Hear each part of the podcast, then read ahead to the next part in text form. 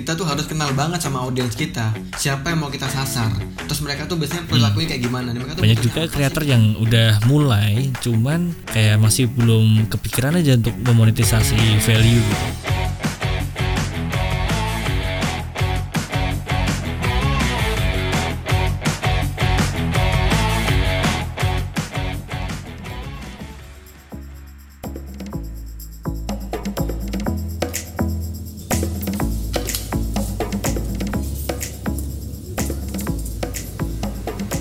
Hai warga Plus 62, selamat datang di Plus 62 Coffee Discussion Forum. Bersama saya Ian, ini adalah episode ke-6. Di hari Kamis ini, PJDF akan membahas topik-topik seputar self-development, content creation, dan perkembangan-perkembangan lainnya mengenai sosial media. Nah, bicara soal sosial media nih, terutama Instagram. Makin ke sini nggak hanya menjadi sebuah tempat untuk sekedar sharing foto ataupun video nih. Kini Instagram berkembang jauh lebih kompleks sejak peluncuran pertamanya di 2010. Sampai hari ini, hampir semua orang bisa dengan mudah mencuri perhatian dan membangun personal branding melalui konten-konten yang mereka share di akun Instagram mereka. Bahkan jutaan orang di luar sana sanggup membuka celah dan memonetisasi value dari brand ataupun diri mereka sendiri melalui Instagram. Pertanyaannya adalah, apakah semua orang memiliki kesempatan yang sama untuk hal ini?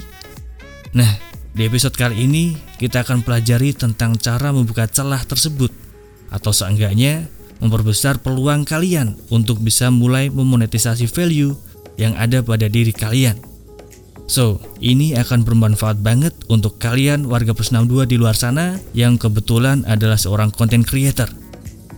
Hari ini, teman diskusi saya kali ini adalah seorang Instagramer dari Malang. Dan udah nggak diragukan lagi nih jam terbangnya. So, sekarang kita kedatangan Mas Helga Indra. Apa kabar nih Mas? halo bro alhamdulillah baik salam kenal Halo, salam kenal Mas. kali nih Akhir-akhir ini lagi sibuk apa nih Mas? sekarang masih tetap bro eh, berkarya dan berbahagia jadi berkarya Oke. ngurus konten konten di di kerjaan sampingan pribadi berbahagianya ya di ngurus keluarga Oke, ngurus sampingan eh, pribadi. kumpul-kumpul bareng anak istri seperti itu tapi lebih seringnya ke fokus ke konten sih bikin konten juga Oke oke. Sebenarnya startnya tuh dari dari kapan sih di start konten tuh? Kalau apa register di Instagramnya sih udah tahun 2011 akhir, tapi mulai aktif eh, awalnya motret sih bro. Kan eh, platform Instagram itu algoritmanya awal kan berubah tuh, berubah dari Iya, yang awalnya itu kronologikal sampai akhirnya sekarang itu udah eh, ada algoritma baru gitu yang mereka tuh mengacak tampilan feed kita menyesuaikan minat sama interest kita kan. Kalau untuk eh, fokus ke kontennya sendiri itu 2019 awal. Masih baru kok. Ya 2019 maksudnya yang bener-bener aku tuh fokus ke eh, bikin konten tentang Instagram dan bahas soal seluk beluknya eh, konten kreator lah. Eh, gimana caranya ngembangin akun di Instagram terus mempelajari algoritmanya. Kalau sebelumnya aku lebih fokus ke ini mengambil fotografi, lebih ke share foto-foto aja. Jadi nggak nggak begitu fokus bikin konten yang eh, detail banget gitu. Paling cuma bagi-bagi foto, motret, bagi-bagi foto, ngumpul sama teman-teman udah kayak gitu. Aktifnya mulai dari awal 2019. Oke, berarti berarti sebelum di 2019 itu lagi masih apa ya? Masih lebih ke passion ya soal fotografi ya, ya sebenarnya. mobile fotografi. Kenapa nih? Kenapa mobile fotografi Ini. sebenarnya? Yang pertama simple, simple terus fleksibel, bisa dibawa ke mana-mana dan Oke. Eh, apa ya memudahkan lah. Jadi nggak perlu banyak ngatur-ngatur teknisnya, terus pengaturan-pengaturan di kameranya. Jadi tinggal tekan autofocus Oke. atau ngelok fokusnya langsung dijepret seperti itu. Jadi kenapa kok milih mobil fotografi karena simple dan fleksibel aja, bisa dibawa ke mana-mana, bisa motret kapan pun eh, ketika momen itu datang gitu Hmm.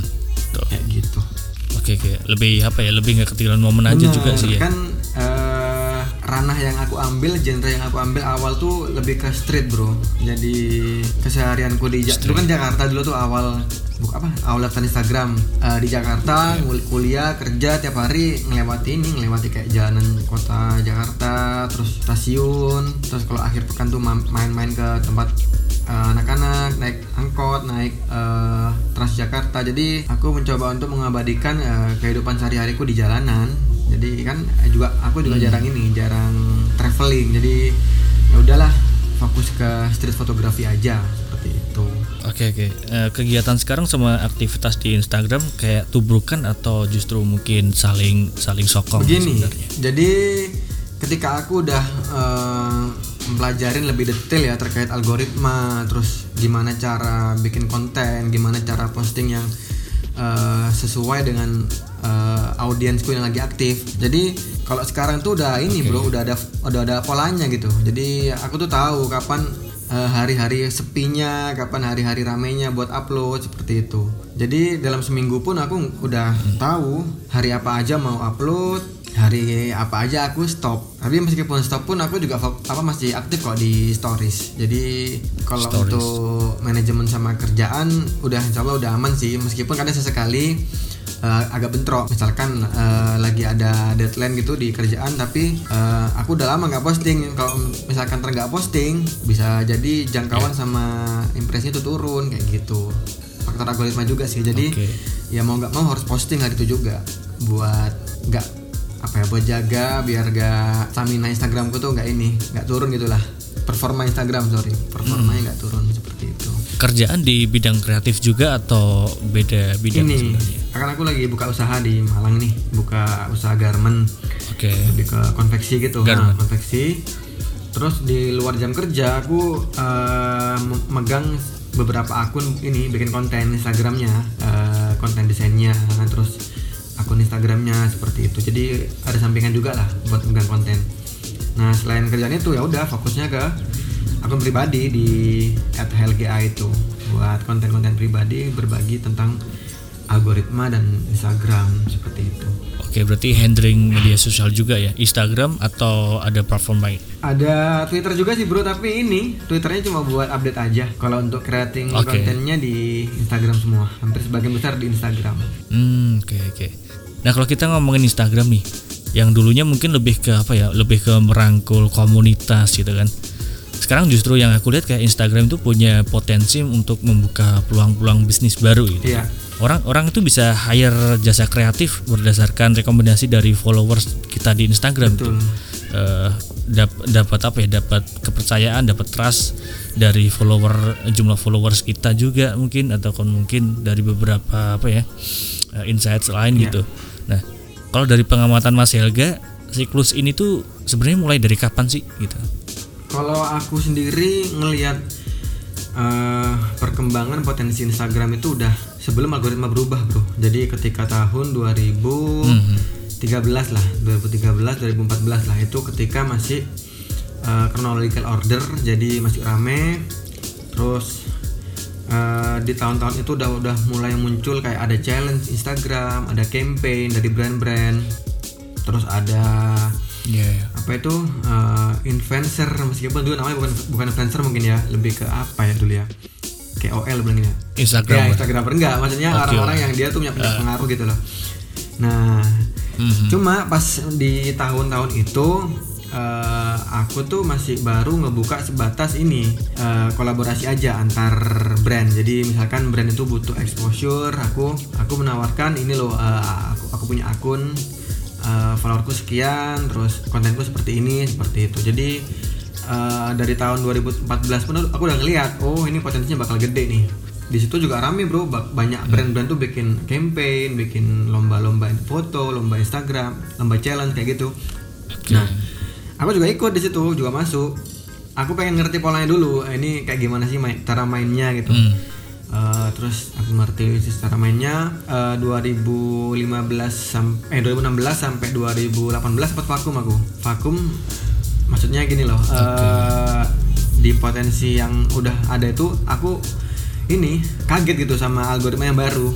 Kan algoritma tuh berubah Oke. tahun 2016 nah itu udah banyak perubahan udah bro. Jadi yang awalnya postinganku yang bisa misalnya rame gitu tiba-tiba sepi terus interaksi berkurang. Oke. aku mulai nyesuaiin lagi nyesuaikan lagi ini gimana cara main. Cuma pas pada saat itu aku belum belum belum tertarik masih bro. Tapi sementara saat itu Mhm. beberapa brand masih jalan masih ramai. Kayak uh, potensi-potensi buat kerjasama atau ada campaign baru itu masih banyak. Baru setelah di tahun 2018 2019 sudah mulai menggeluti uh, konten konten marketing terus gimana cara bikin konten di Instagram kayak gitu. Aku udah nyobain tuh bro. Nyobain masuk kerana uh, influencer sama KOL itu lagi.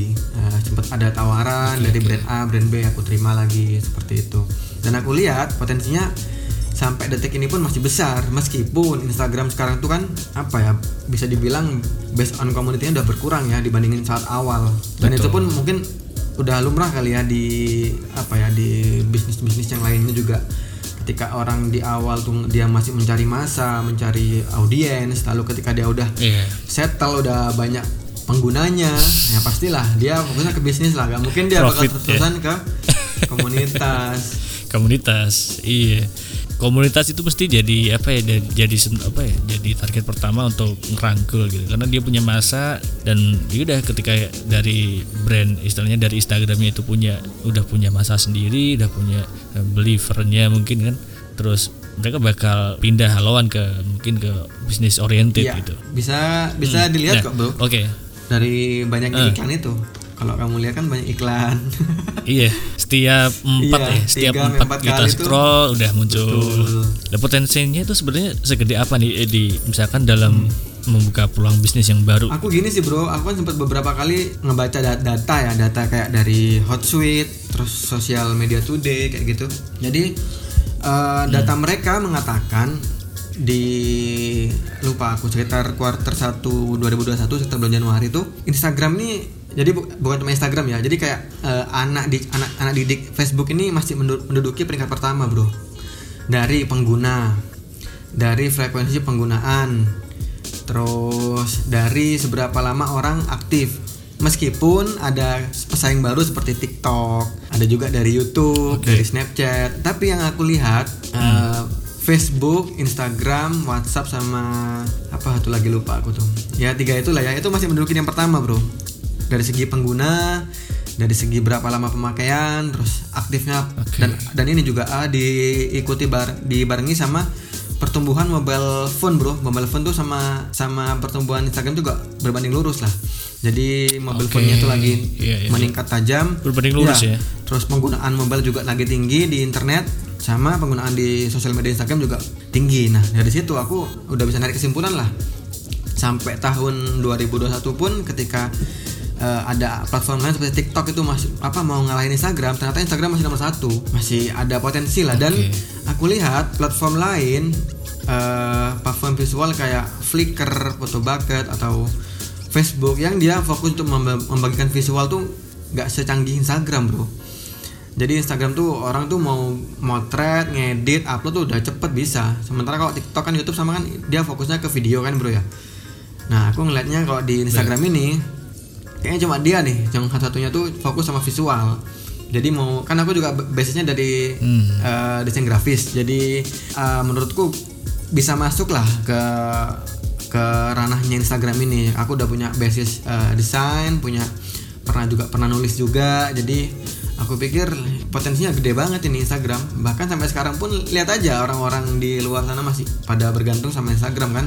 Meskipun mereka pada bilang algoritmanya ngaco lah, terus engagement turun, Hmm. apa eh, masih bagusan TikTok atau YouTube gitu. Tapi tetap aja yang bagian visual tetap semuanya balik ke Instagram. Nah dari situ itu aku yakin lah potensinya Instagram ini nggak bakal nggak bakal turun lah apalagi habis- udah ada reels. Ada reels Oke. pesaingnya TikTok ya udah mereka berantem kita tinggal nikmati aja eh, platform ini. Dan kan lagian juga gratis kan bro? Gratis bisa kita pakai. Iya. Ya udah kita manfaatin bener-bener kita pelajari algoritmanya kita coba bikin konten dan kita coba eh, ngembangin lah apa yang bisa kita eh, apa ya monetize lah dari kemampuan kita di Instagram seperti itu Ditambah lagi juga kayaknya pengguna aktif di Indonesia juga termasuk nomor ini ya lima besar ya Iya, di dunia. kemarin aku lihat. dua atau berapa sih kayaknya? iya besar bro aku lupa pokoknya lima, pokoknya lima besar kok aku nge-share kemarin di stories Hmm. gede gede Iya kan? Indonesia Nah, oke dari dari siklus ini menurut Mas Helga nih ada di tahap apa nih sekarang kita? Early kah atau mid atau mungkin justru udah mau peralihan lagi sebenarnya? Eh, maksudnya Instagramnya atau kitanya Instagramnya.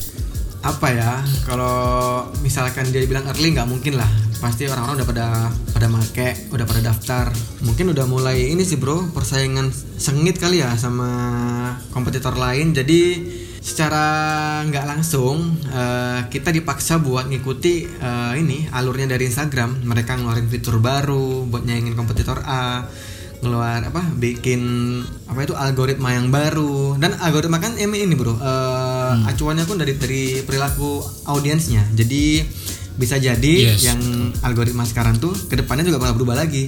Kayak gitu. Jadi ketika okay. kan kemarin juga sempat bilang si CEO-nya tuh ada Moseri dia terus terang juga yeah. belak belakan kalau TikTok tuh udah jadi tentang serius bagi mereka TikTok sama YouTube. Nah dan maka dari itu hmm. mereka pun mulai mengubah haluannya dari yang awalnya uh, sekedar platform untuk visual foto, sekarang juga udah beranjak ke video. Yang mana uh, dalam lima tahun ke depan nih video tuh udah diprediksi bro bakal merajai konten di dunia. Jadi kalau Instagramnya nggak ngikuti perkembangan kompetitornya, udah keteteran. Yeah. Apalagi ngelihat sekarang kayak YouTube juga bikin YouTube Short, TikTok juga bikin, YouTube ada Snapchat, wah. Yeah. Terus ada apa? perkembangan dari uh, aplikasi lain seperti Twitter kayak gitu ada Clubhouse kemarin kan kan semuanya juga dari video dan audio tuh kan bro jadi kayak kalau hmm. Instagram hmm. cuma fokus di foto aja udah uh, bakal yeah. berdarah-darah juga sih mungkin udah mati dari tiga tahun yang lalu juga yeah, sih, sih. kalau cuman stay di foto ya uh, dan dan hmm. puncaknya kan kemarin tuh beberapa bulan yang lalu yang CEO-nya tuh emang udah bilang Instagram bakal lebih fokus ke yeah. video seperti okay. itu. Sebenarnya agak lucu kalau kita misalkan kita itu mempelajari algoritma gitu. Sedangkan algoritma aja mempelajari hmm? Perilaku kita gitu. Jadi agak-agak agak-agak iya, lucu yeah, gitu. Yeah. Kita antara kejar-kejarannya sesuatu yang memang ya kita tuh juga dikejar sama dia gitu. Iya, iya. Sebenarnya kalau ngomongin soal algoritma ya bro, uh, kenapa sih kok aku ini, kok aku hmm. kayak antusias banget itu loh uh, pengen tahu yeah, gimana yeah. cara kerjanya, gimana uh, perkembangannya, perubahannya. Ya karena ini bro, uh, apa ya? Kan di dunia digital tuh dinamis banget ya. Jadi aku mikirnya tuh kalau akunya Betul, sendiri yang diem, cuma ngikut dari bawaan platform, hmm. ntar susah, aku nggak bisa beradaptasi cepat nanti. Aku cuma bisa upload terus. Aku nggak tahu perubahannya apa, nggak tahu ada reels, reels yang mainnya kayak gimana, terus cara nge-share-nya gimana Nah, dengan aku belajar dengan belajar algoritma ini, setidaknya aku tuh tahu, Bro, uh, gimana sih konten yang tepat untuk audiensku, gimana mm -hmm. aku mendeliver konten yeah, iya, tersebut. Yeah.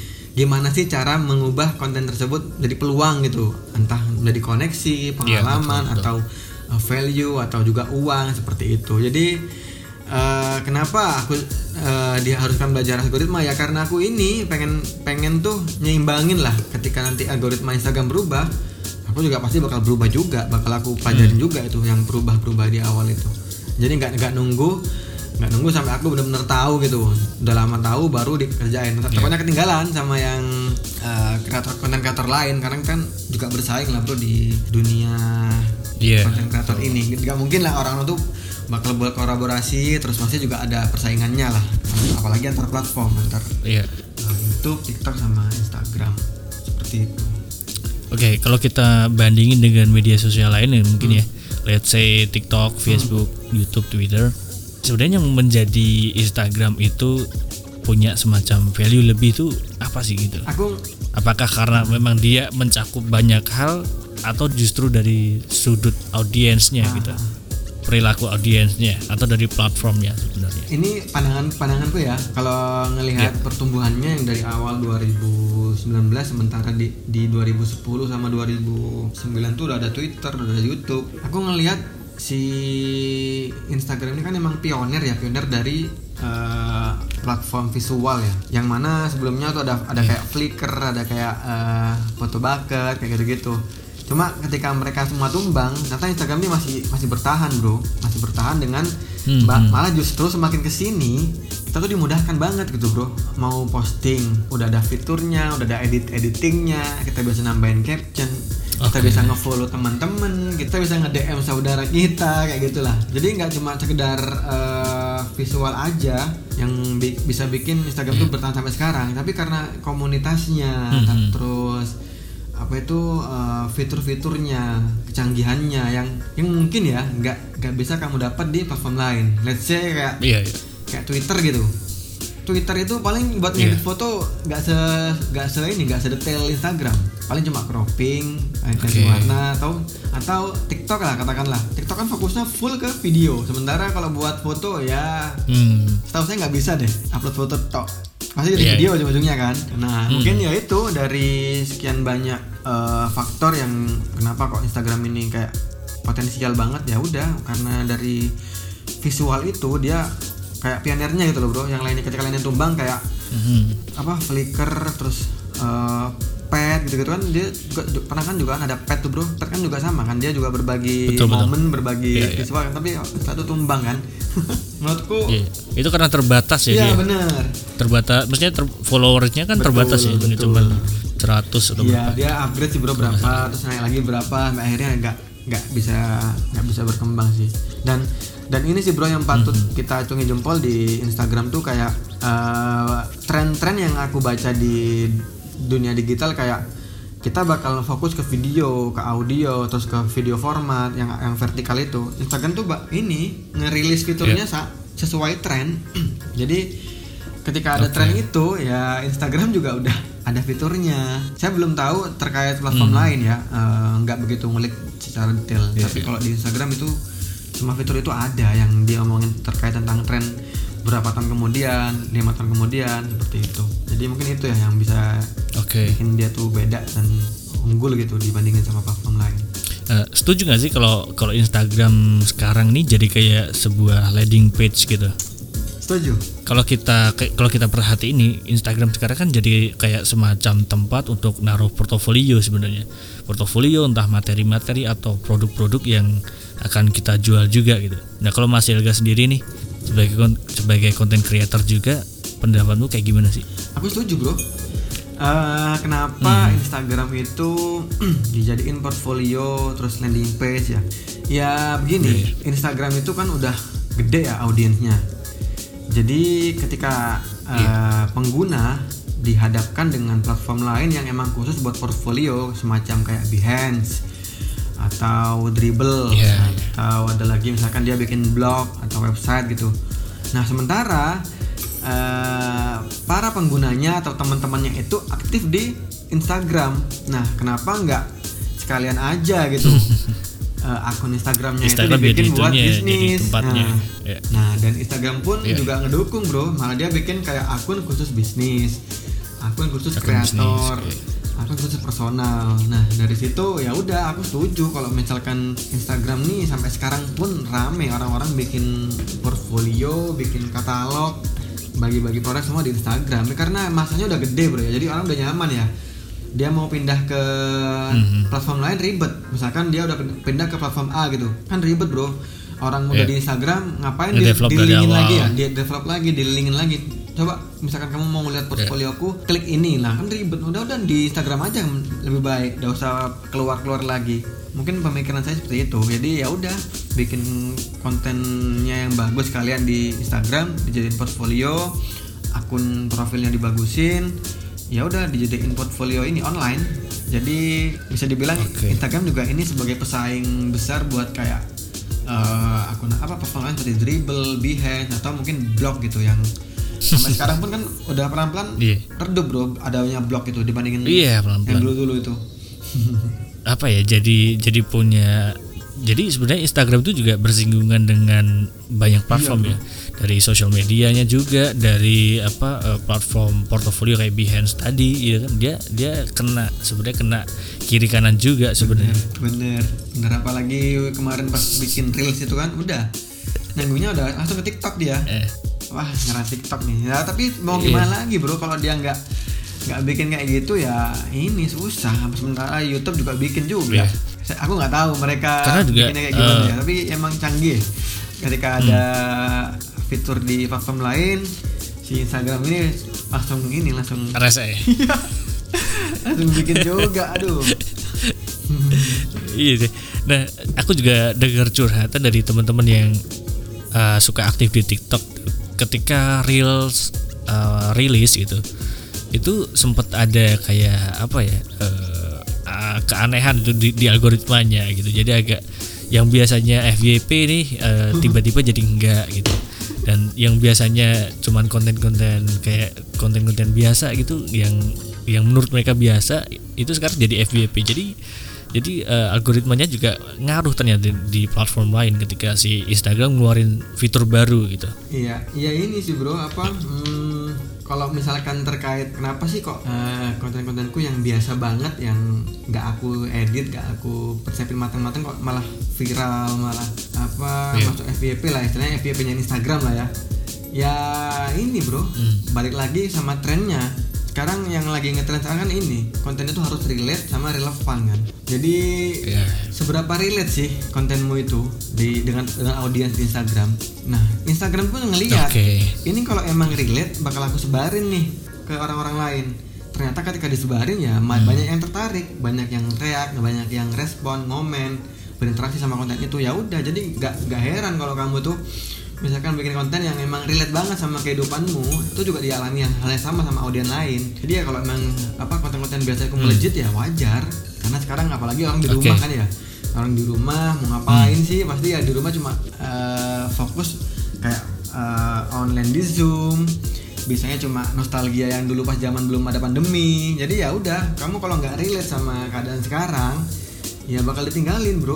Kayak nggak bakal dinaikin lah sama eh, Instagram maupun platform lain. Seperti itu. Apalagi ini Oke. konteksnya kalau Nah. ngomongin soal relevan relevansi.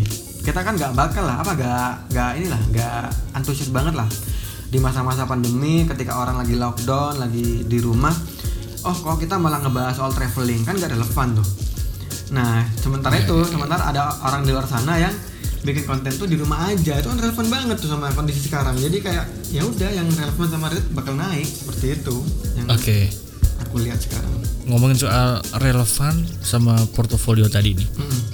gabungin antara keduanya itu irisannya dapat di di gimana sih bentuknya jadi kayak apa Oke. antara portofolio dan kitanya tetap selalu relevan dengan Oke.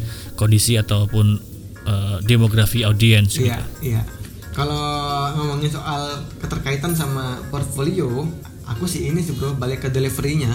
Jadi bagaimana konten kreator ini eh, mendeliver portfolionya itu ke audiensnya dengan cara yang relevan, bukan kontennya yang relevan. Kalau kontennya relevan ya agak susah sih bro. Kita terus-terusan ikut tren, nggak nggak bakal susah, ah, bakal Iya, ini, iya. nggak kejar lah. Misalkan ada tren A, masa kita harus ngubah portfolio lagi? Tren B, masa kita Iya, harus ngubah portfolio? Tapi lebih ke deliverynya. Coba kamu bisa perhatikan di brand-brand lah bro, cara mereka eh, memanfaatkan relevansi yang lagi rame sekarang. Misalnya dari, dari tren lah, misalkan dia Squid Game brand kemarin. A mau mau share tentang asuransi gitu, atau konten tentang eh, apa ya finance gitu. Terus lagi ad- terus ada momen ketika itu lagi rame film Squid Game. Masa kita harus ikut-ikutan bikin apa konten yang harus Squid Game banget? Tapi enggak kan? Pasti mereka ke, ke deliverynya gimana cara nyampaikan eh, konten mereka itu dengan dengan dengan keviralan Squid Game itu tapi tetap masuk gitu loh bro. Jadi mereka bikin konten yang eh, konten Squid Game-nya dibikin meme terus diplesetin kayak Oke, gitu. Jadi nggak melulu harus ikut Iya, iya. tren kayak gitu. Kalau nanti ke Oke. kreatornya ya lebih ke deliverynya aja. Kalau secara Oke. portfolio tetap aja nggak apa-apa. Jadi cuman beda kemasan aja ya. bentuk kontennya tetap sesuai karakter kita cuman kitanya cara penyampaiannya aja yang apa ya eh, menyesuaikan Betul. dari tren-tren yang sekarang gitu ya. Iya, iya, bener bu, bener bro. Jadi nggak harus kita harus ngubah. Ketika ada tren A, tadi ubah lagi, tren B diubah lagi, ntar capek bro. Buat apalagi buat ngebuat portfolio kan. Tinggal eh, deliverynya aja. Nah, ada lagi tren reels, ya udah kita masukin aja konten kita di reels. Sampaikan ini loh aku ada portfolio, tapi bukan portfolionya yang diubah, tapi cara nyampaikan kita. Kita harus menyesuaikan eh, formatnya seperti apa sih yang pas buat di reels atau pakai multiple post Oke. atau single single post seperti itu. Tinggal menyesuaikan aja.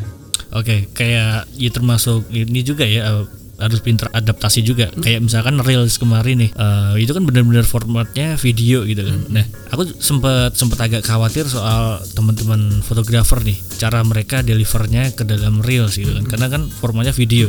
Dan ternyata mereka kayak nggak habis nggak nggak habis akal aja gitu. Tiba-tiba mereka bikin kayak eh, kompilasi foto gitu kan ada beber- beberapa foto yang mereka gabungin akhirnya kita disesuaikan sama beatnya dan akhirnya juga ya trending trending aja sih gitu kan Bener. Ya kan ini bro, Iya kamu kan? dapat poinnya kan udah.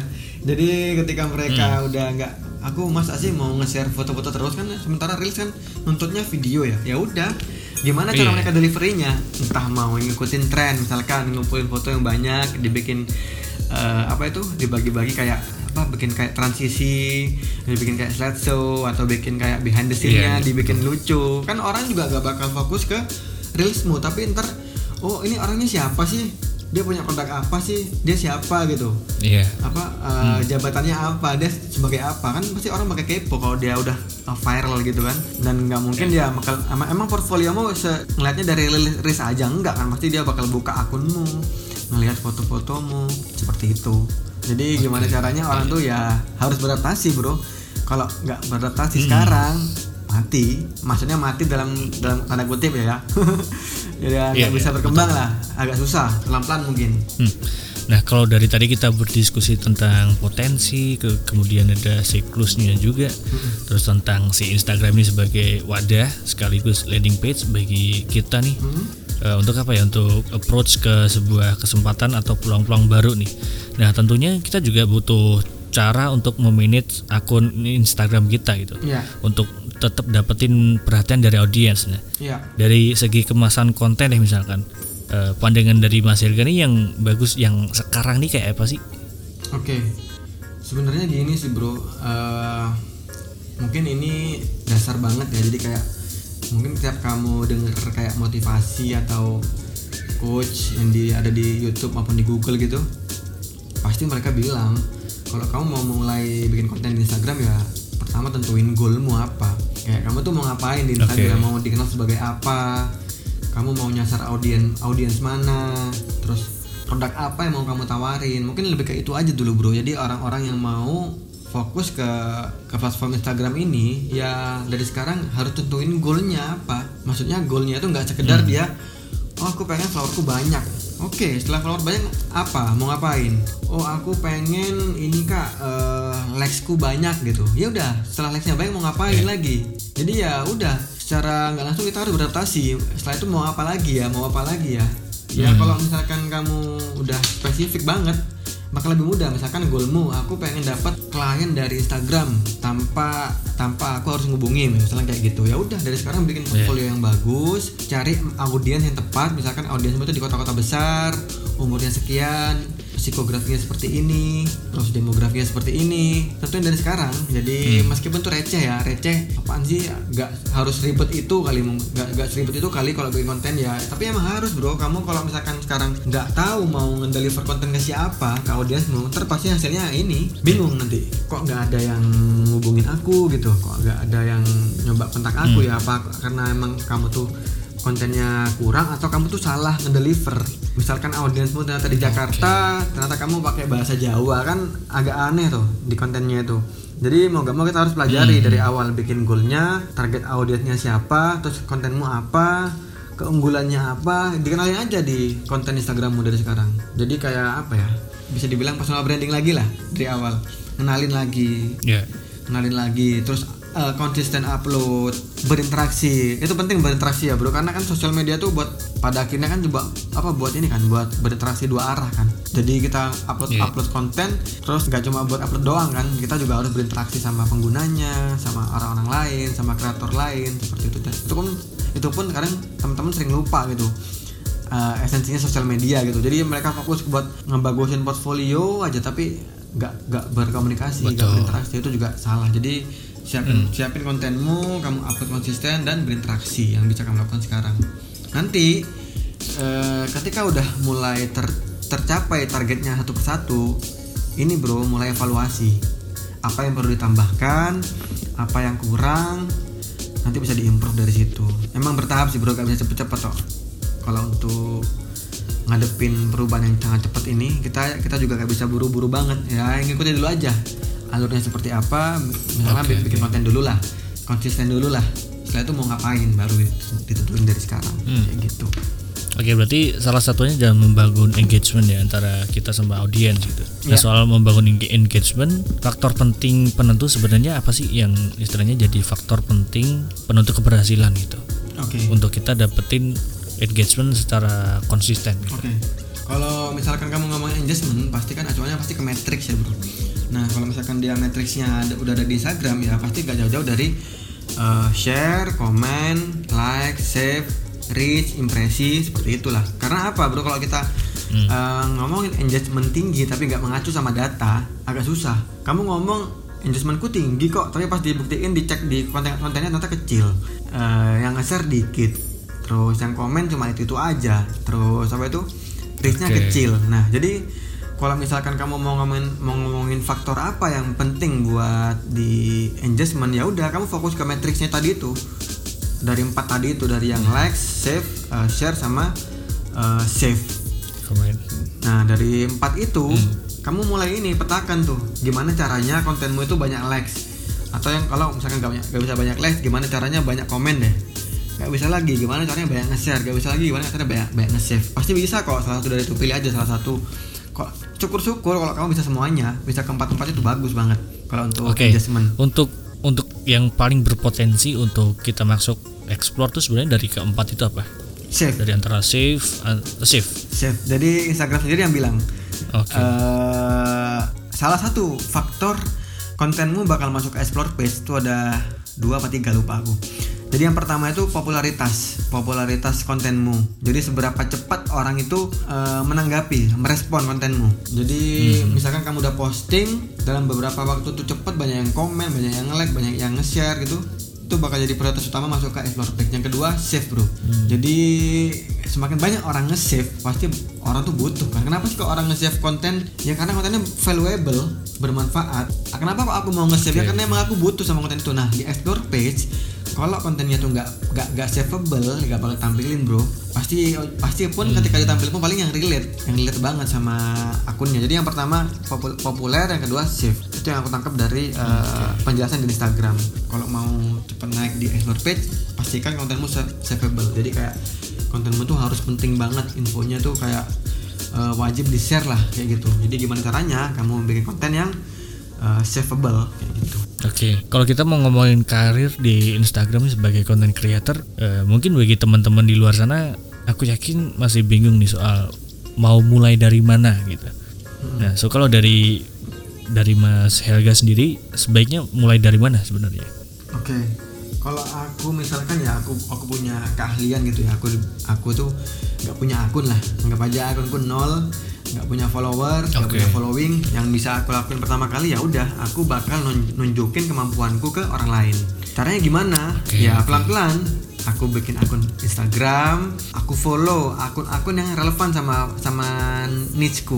Misalkan aku ngambilnya mobile fotografi okay. sama Instagram, ya udah follow akun-akun yang uh, sama niche-nya dengan dengan dengan akunmu. Topiknya sama lah intinya gitu. Misalkan kamu suka mm -hmm. wedding, ya udah follow akun-akun yang fokus ke wedding kamu kenalan okay. kamu berinteraksi sama kontennya ada komunitas gabung ada seminar ikut ada workshop ikut seperti itu nanti sembari kamu fokus ngembangin eh, kayak koneksi di komunitas terus di followers sama audiens kamu juga aktif hmm. bikin ini bikin konten karena apa karena ketika yeah. kita berinteraksi masa orang nggak mau mampir ke kita sih pasti orang bakal ngeliat dong bakal dateng lah yeah. ini siapa ya kok hmm. sering berinteraksi Nah, nanti ketika kita udah punya okay. aset, aset tuh misalkan kita udah punya konten, ketika orang datang, ya udah kita bakal dikenal tuh. Oh, ternyata Mas ini punya keahlian di uh, mobil fotografi. Oh, punya keahlian di Instagram.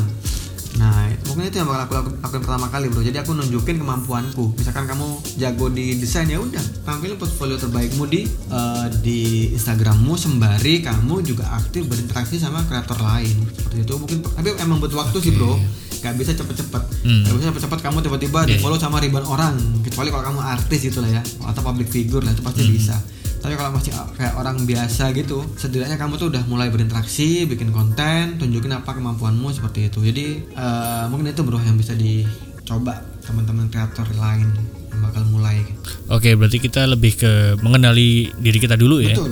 Kita punya bakat apa nih gitu. Ya. Yaudah, ya, explore di di situ terus kita masukin deh pelan-pelan di Instagram kita jangkau orang-orang kita kasih komunikasi hmm. ya udah orang bakalan otomatis bakalan ngecek nih yeah. apa yang ada di diri kita sebenarnya yeah. ya. nah ngomongin soal monetisasi nih Mas Helga ini kan termasuk apa ya yang berhasil memonetisasi value yang yang kamu punya nih mas. Yeah. Ada mobil fotografi ebook nih kalau nggak salah yeah. waktu itu ada apa tuh namanya when street has surprises ya Iya betul. itu kan proyek kolaborasi atau bukan Kolaborasi itu tuh, kolaborasi. Oke, terus ada tips and trick juga, ada tips and trick fotografi, ada algoritma, ada Iya. hashtag, macam-macam lah. Betul. Ada banyak yang udah di udah berhasil di monetize gitu. Eh, so what's the difference gitu? Maksudnya antara Mas Helga Indra ini dengan kreat- kreator lain nih apa bedanya? Maksudnya kenapa kok Mas Helga ini eh, achieve sedangkan kreator lain enggak? Gitu pertanyaannya. eh apa ya? Bisa dibilang ini bro. Eh, kenapa aku bisa achieve? Karena aku fokus di niche nicheku. Jadi kan aku dari dari 2019 tuh udah fokus ya bro. Aku mau fokus ke mobile fotografi eh, mobile street fotografi sorry sama Instagram. Udah sampai sekarang pun aku tekuni sampai sekarang coba kamu perhatikan eh, konten kreator yang berhasil di luar sana. Pasti mereka tuh punya niche khusus. Gak mungkin dia punya niche wedding terus food fotografi flat, lay jadi satu digabungin terus bisa dimonetize. Kalaupun dia bisa dimonetize pasti kemungkinan ada ada, ada ada kemungkinan lain. Bisa jadi dia udah terkenal dia seleb atau public figure atau udah punya pengaruh lah. Tapi kalau Iya. bagi kita yang masih eh, orang awam terus belum begitu terkenal ya yang bisa ngebedain ya karena kita fokus di niche itu bro. Kita fokus konsisten kita kenalin apa keunggulan eh, produk-produk kita. Kenapa kok kamu harus harus ngelihat ngelihat produkku? Kenapa kamu harus me- apa mencicipi lah mencicipi produkku? Ya karena aku nawari keunggulan di situ. Keunggulan dari masalah yang aku masalah yang aku selesaikan di produkku itu. Jadi aku ini bro ketika aku fokus sama niche mobile fotografi sama Instagram aku juga ngeriset sebenarnya masalah apa sih yang orang-orang Oke. lagi alami sekarang ini. Mungkin kreator lain mereka itu hanya fokus untuk ini loh aku bisa A B C D. Tapi ternyata kebisaannya itu nggak menyelesaikan masalah. Jadi bisa jadi Oke. itu nggak menjual. Lah kan ngapain aku beli? Dia nggak bikin aku banyak follower kok. Kayak gitulah misalkan ya. Ngapain aku beli? Aku aku aku setelah beli produknya tuh nggak nggak bisa jadi fotografer kok. Nah mungkin kayak gitu itu yang bikin orang tuh nggak tertarik sama eh, sama produknya. Nah kalau aku aku memang ngejual produk yang jadi solusi jadi solusi buat eh, audiensku. Jadi aku ngejual kayak eh, konten ebook tips dan trik algoritma. Meskipun yang di awal kolaborasi eh, foto ebook pun itu pun meskipun nggak ada tipsnya ya tapi aku ini ngasih ngasih tahu ini loh cara ngambil angle foto yang eh, Instagram banget atau yang street banget. Setidaknya ada lah bro ada value lah yang aku tawarkan di produkku. Mungkin itu bro. Jadi eh, yang jadi pembeda aku fokus sama nicheku sama aku tuh menyelesaikan masalah. Jadi aku menyelesaikan masalah audiensku. Itu kenapa orang orang bisa eh, tertarik gitu mau beli produkku. Oke, berarti eh, ada di poin ketika kita menyelesaikan sebuah masalah ya. Sedangkan itu ada relevan ada relevansinya dengan eh, relatable atau enggak masalah itu terhadap orang-orang eh, audiens kita Iya. maksudnya. Nah makanya itu Hmm, kita tuh harus kenal banget sama audiens kita. Siapa yang mau kita sasar. Terus mereka tuh biasanya perilakunya kayak gimana. Mereka tuh butuhnya apa sih gitu. Itu yang penting bro. Jadi kita nggak cuma ngerti seke- sekedar eh, oh audiensku tuh umurnya 18 sampai 30 tahun tinggal di Jakarta. Nah setelah itu apa? Mereka biasanya ngapain? Kita harus pelajari bener-bener bro. Aku ngeriset, aku baca-baca platform lain, terus ngelihat tren yang lagi rame sekarang. Dan setelah aku lihat ya banyak orang-orang yang ini yang apa ya yang sedih. Oh aku sedih nih eh, likesku menurun. Followerku stagnan kayak gitu lah nah aku ngeliat peluang di situ bro. Ngeliat peluang oh ini ada masalah nih ada masalah yang bisa aku selesaikan dengan produkku. Nah maka dari itu aku coba keluarin produk itu. Pertama pasti free bro aku bro. Aku free dulu pertamanya tak tak bagi-bagi di stories lah dibagi stories Oke. di Instagram. Setelah itu aku mulai berbayar. Karena aku ngeliat potensi banyak orang yang butuh jadi nggak cuma kamu tok jadi banyak orang di luar sana juga butuh. Dan aku ngeliat, ngeliat potensi itu dari ya tadi itu yang aku bilang di awal eh, data soal pengguna Instagram yang jutaan banget di Indonesia. Jadi aku bisa lah kalau misalkan ngambil satu persennya gitu cobalah aku bikin produk ngambil hati satu persen dari Instagram pengguna Instagram di Indonesia masa nggak bisa sih? Seribu aja itu udah lumayan atau 100 lah orang yang mau beli. Itu udah lumayan itu kayak ngasih impact banget. Kamu udah bisa nyelesain masalah satu orang. Seperti itu. Oke, Oke. Itu kan berarti ada ada tahapan kita mengkonversi apa ya antara audiens kita, kemudian ada materi yang kita share di Instagram menjadi sebuah penghasilan gitu. Iya. Itu gimana tahapannya ketika akhirnya oke nih ini saatnya eh, aku mau nih karya-karyaku nih. Itu kapan? Oke. Di misalkan dari dari 2019 tadi Mas Helganya baru berani nge-share sebuah materi dengan harga tertentu itu di tahun keberapa? Oke. Jadi ini bro, aku ketika mau membagikan sesuatu yang eh, bisa menyelesaikan masalah, aku mikirnya gini, aku harus bisa menguasai produkku dulu. Maksudnya, aku harus kenal banget sama produk yang, mau, yang mau aku jual. Jadi nggak sekedar tuh aku ngejual produk tapi nggak ada buktinya gitu, nggak ada hasilnya. Nah, jadi Iya. kalau bisa aku coba praktekin dulu lah di akunku. Works nggak sih? Misalkan works, cobalah aku share di stories. Aku bagiin gratis lah. Teman-teman mungkin mau nyoba gitu. Ternyata banyak bro yang ini yang ngerespon gitu. Mas, aku ternyata berhasil nih caranya. Aku udah nyoba tipsnya dari Mas Helga berhasil. Oh, aku ngeliat dari situ potensi. Oh, ternyata orang-orang ketika mencoba cara yang aku bagiin di stories di Instagram itu banyak yang berhasil. Dan ternyata itu pun gratis gak berbayar ya. Nah dari situ aku ngeliat oh ada peluang nih. Berarti di luar sana juga banyak pasti orang-orang yang eh, setipe mereka yang butuh eh, konten untuk perbaikan akunnya atau mengembangkan akunnya seperti itu. Jadi ketika kamu udah tahu ke- keunggulanmu terus kamu punya punya keahlian bisa bisa bikin eh, produkmu itu works terus kamu punya masa atau punya udah punya follower itu udah cu- cukup sih bro bagiku. Cukup untuk eh, mulai ngejual lah. Nah kendalanya kadang kan orang bilang nih aku punya keahlian mas tapi aku nggak punya follower. Ya udah berarti kamu eh, start fokus buat konsisten dulu. Nyari eh, temen-temen nyari eh, relasi nyari followers dulu. Nanti kan ini ketika orang udah banyak yang follow dia udah tahu kemampuanmu nah kamu ntar bakal mudah tuh buat bikin produk menyelesaikan masalah mereka seperti itu. jadi kalau di awal dia nggak punya follower atau nggak punya pengikut atau nggak punya masa gitu ya udah fokus buat ngembangin akun pribadinya dulu aja. Nggak bisa langsung ujung-ujung dia jualan. Susah ntar bro. Dia mau jual tapi nggak ada audiensnya seperti itu. Atau dia nggak benar-benar kenal sama audiensnya. audiens, ya? Di awal harus, harus kenal dulu lah sama siapa yang mau kamu tawarin seperti itu. Jadi kayak ngembangin Iya, iya. kalau orang orang bisnis bilang mungkin kayak ngembangin kolamnya dulu lah dibikin kolamnya habis itu kita mulai mancing mancing ikannya seperti itu. Nah, ngomongin soal konsistensi tadi nih, sebenarnya konsistensi itu adalah hal terberat setelah memulai sebenarnya. Ya nggak sih? bener banget. Itu apa ya bro? Orang-orang tuh di luar sana tuh begitu gampang ya ngomong. Konsistensi adalah kunci. Hmm. coba suruh terapin. Hmm. lah berat banget. Itu terjadi di aku bro konsistensi adalah kunci di awal Oke. ngomong gitu. Ternyata pas aku terapin uh berat banget bro.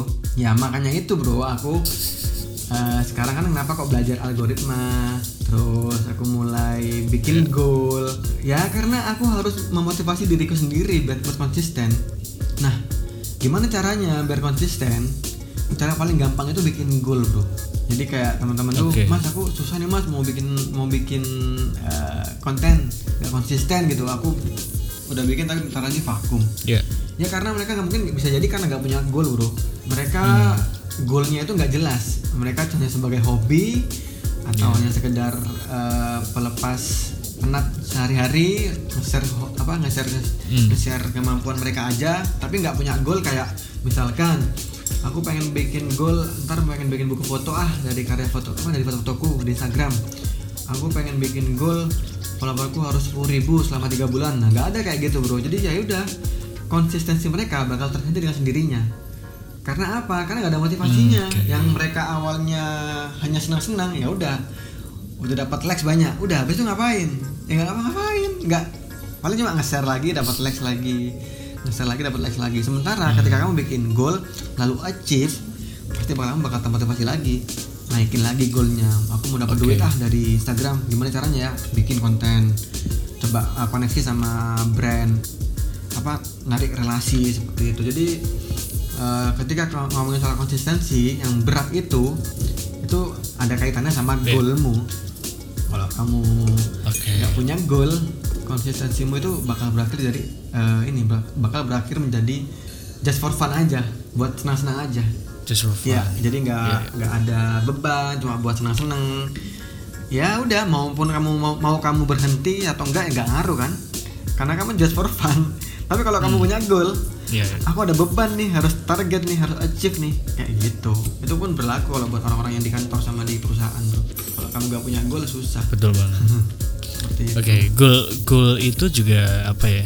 Termasuk yang ngebuat kita tuh tetap stay on the track itu. Ketika kita mulai mulai kedor nih, mulai nggak nggak konsisten nih. Kalau kita masih inget goalnya, masih inget bener-bener wah kita mau ngapain nih ke depan tuh mau ngapain itu yang bakalan ngebalikin kita ke track itu juga si goalnya itu. Kalau memang goalnya itu udah bener-bener bulat gitu. Iya, bener bro, karena ya mungkin di luar sana banyak cara lain ya bro, ya, orang-orang me- menyikapi konsistensi. Tapi aku mikir goal ini emang penting banget. Kalau kamu nggak ada goal, ketika nanti udah, aduh aku bosen nih jenuh gitu, mau bikin apa lagi ya udah ingat lagi goalmu tuh apa? Goalmu itu mau bikin kamu terkenal loh, kamu terkenal di Instagram loh, atau kamu kerjasama sama brand-brand loh. Masa kamu gitu aja nggak semangat? Masa udah berhenti sejauh ini? Pikir lagi kamu bakal kita kita nggak tahu bro. Setelah ini atau besok kita bakal dikontak sama brand, dikontak sama orang penting gitu. Iya. Karena apa? Karena mungkin bisa aja mereka ngeliat konten kita menarik. Eh ternyata pas kamu udah mau ketemu sama brand tiba-tiba kamu vakum. Kan sayang gitu. Jadi kita tuh mending sekarang ya udah fokus sama goal kita, kita bikin konten nikmati aja dulu ya. Sambil dibarengi sama inilah sama berdoa ikhtiar. Kan kita nggak tahu bro rezeki kita di mana. Tembusnya tuh kapan kita nggak tahu. Itu yang bikin seru sih. Iya. jadi orang kadang udah udah mau udah mau dapat klien ya ternyata pas sebelum dapat klien tuh dia vakum. Sayang banget tuh udah mau dikasih mau, udah mau dapat klien tiba-tiba dia vakum nggak upload ya udah lari kliennya kok nggak upload lagi masih nih Oke. padahal udah aku pantau kayak gitu lah mungkin bisa ana- analoginya Hmm. sederhananya lah Nah selain kreator yang masih belum apa ya punya insight soal mulai dari kapan, mulai dari mana tadi nih, banyak juga kreator yang udah mulai, cuman kayak masih belum kepikiran aja untuk memonetisasi value gitu. Iya. So Mas Irga sendiri ini ada ada ajakan nggak mungkin untuk teman-teman kreator lain gitu? ini sih bro. Yang tadi kita omongin di awal eh, mau nggak mau ya mereka tuh harus beradaptasi sih, bro. Beradaptasi sama perubahan sama tren sama perilaku audien. Ya harus ngikutin lah. Maksudnya jangan ketika dia udah eh, tinggi maksudnya tinggi tuh dia udah punya followers udah punya produk dia tuh stop dia nggak mau nyobain hal baru gitu. Dia mikir aku udah banyak follower kok aku udah punya produk ngapain gitu?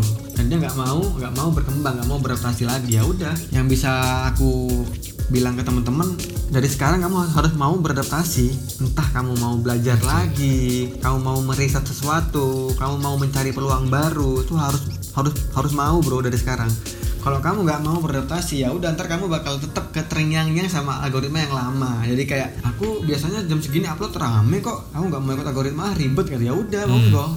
Kalau emang nggak mau ikut algoritma nanti jangan jangan nyesel teman-temanmu yang baru yang baru-baru tapi dia mau beradaptasi dia bakal me- menyalip bakal nyalip kamu nanti. Bakal lebih berkembang dengan cepat nanti. Kan sekarang nggak heran bro. Orang-orang tuh Oke. baru setahun dua tahun kan melejit loh bro. Dia udah punya konten udah punya masa. Bandingin sama orang-orang yang lama ih kok bisa ya? Dia dia se baru berapa bikin berapa tahun udah udah cepet banget perkembangan akunnya. Kok bisa ya? Dia produknya cepet terkenal ya karena mereka mau beradaptasi mau uh, belajar mau improvisasi apa kekurangannya evaluasinya apa lagi kayak gitu. Jadi kalau teman-teman mau fokus buat uh, kayak mau netas di Instagram ya udah jeli-jeli lihat peluang pinter baca tren gimana cara masukin tren itu ke kontenmu terus ngelihat potensi apa yang bisa diambil kayak gitu. Jadi jangan pernah berhenti lah jangan pernah merasa "Eh, aku udah cukup lah segini. Ntar orang-orang bakal nyari kok nggak bisa kayak gitu. Sekarang Hmm. sekarang Oke. jangan jangan jangan kan eh, marketing ya yang berubah ya. Dunia digital pun pasti berubah. Perilakunya juga berubah. Paling mudah lah ya. Kita bisa lihat contoh paling mudah. Orang sekarang ngelihat eh mau beli sesuatu bro dia nggak ngeliat harga lagi udah. Iya. Dia ngeliat dari review pengalaman orang ya. Reviewnya bagus pengalamannya bagus udah beli. Kalau harganya murah belum tentu dia beli belum tentu dia mau. Di ini produknya bagus nggak sih? Lihat reviewnya dulu ah nah review itu juga Iya. pengaruh dari adaptasi tadi bro. Kalau kita nggak beradaptasi dari masukan-masukan orang saran-saran orang dari review dari testimoni ya udah kita bakal stuck nanti. Pelan-pelan stuck pasti ya meskipun nggak nggak secara signifikan ya. Pasti pelan-pelan stuck nanti. Oh iya. seperti itu. Jadi kalau bisa dari sekarang udah mulai beradaptasi aja dari perubahan ini beradaptasi bikin konten yang relate sama relevan jangan sampai bikin konten yang miss gitu. Kasihan nanti kita lagi pandemi eh kok ngomongnya soal traveling? Kan kayak nggak relevan banget gitu ya bro. Kita lagi pandemi di rumah eh dia malah pelesiran di Bali. Misalkan contohnya gitu lah ya. Kan nggak relevan banget. Iya, iya. Bisa jadi bumerang nanti seperti itu. Oke. Eh, satu pertanyaan lagi sekalian mungkin jadi closing statement. Eh, monetisasi untuk content creator gitu. penting atau enggak nih menurut Mas Yoga? penting penting bro. Begini ya. Oke, sepenting apa? monetisasi kan berhubungan sama uang ya. Eh, kita nggak nggak munafik lah bro. Kita hidup butuh uang. Hmm. ya gimana sih orang dikasih uang masa nggak seneng? Orang produknya la- laku masa nggak seneng ya. Penting banget kalau kamu bisa punya karya diapresiasi orang apalagi dibeli gitu. Apalagi dibeli ya udah kan jadi ini jadi apa jadi kayak achievement tersendiri gitu bro. Dan menurutku tuh penting banget.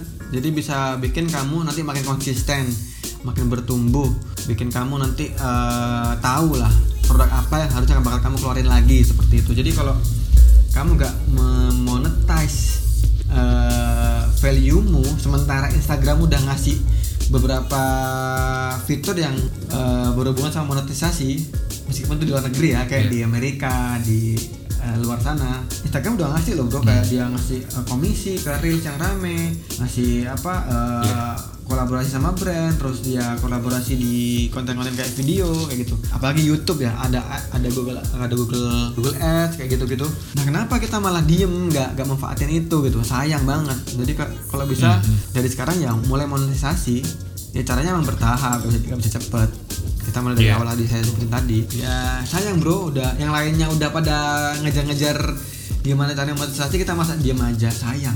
Apalagi kita di rumah gitu. Waktu banyak Iya. eman eman banget. Jangan jangan sampai gak, gak dimanfaatin dengan betul. Mungkin itulah proses teman saya buat teman-teman di uh, luar sana yang mungkin masih bingung lah gimana mau monetisasi apa enggak gitu mending monetisasi dari sekarang kembangin lah keluarin lah uh, kemampuanmu Paling enggak secara gambaran ada arah ke sana ya, ada arah ke ah aku pengen monetisasi nih. Iya. Cuman ya udah tinggal jalanin aja dari nol ataupun ataupun udah punya udah setengah perjalanan Iya. nih tinggal di di kira-kira aja nanti oh, step-stepnya kayak apa gitu ya. Iya betul bro nanti kalau dikembangin-kembangin aja. Sayang soalnya bro apalagi Instagramnya udah ngasih fitur udah dimudahkan banget kita. Kita bisa udah bisa punya akun Instagram bikin akun PayPal terus apa transfer bank udah mudah digital banking udah maju. Masa kita nggak mau ini nggak mau memanfaatkan yang lagi berkembang itu buat eh, show up lah kemampuan kita gitu. Sayang gitu. Dia punya potensi tapi nggak dimanfaatin. Sayang. Oke oke. Wah gokil banget nih hari ini. Eh, banyak banget insights menarik yang bisa kita ambil yang mungkin buat teman-teman di luar sana yang sebagai content creator yang aku yakin relate banget nih dengan topik kali ini. Dan harapan kami ini cukup membantu kalian untuk dapat semangat dan seenggaknya memperbesar peluang teman-teman untuk mulai memonetisasi value teman-teman masing-masing nih. So, jangan lupa buat share ke teman-teman kalian, share ke story kalian. Siapa tahu banyak dari teman-teman kalian yang butuh banget topik ini, jadi lebih banyak lagi yang dapat manfaat dari podcast ini. Kirim kritik dan saran kalian untuk podcast kami di Instagram at 6docoffee.official atau Instagram saya di at ian underscore parikesit untuk topik-topik seputar social media, content creation, dan self-development. So terima kasih Mas Helga Indra udah share hal-hal menarik hari ini di PCDF. thank you sama-sama. Jangan lupa cek dan follow Instagram @hlga untuk tahu tips-tips dan trik seputar Instagram dan konten-konten menarik mobile fotografi nih. Cek aja di sana ada beberapa artikel menarik dan meskipun berbayar cukup terjangkau banget ya Mas ya. betul banget Thank you banget udah nyempetin waktu. Sehat selalu pokoknya. So sekian episode kali ini. Semoga bermanfaat. Saya Ian Parikesit. saya Helga Indra See you to next episode exclusive on Spotify. Thank you. Bye bye.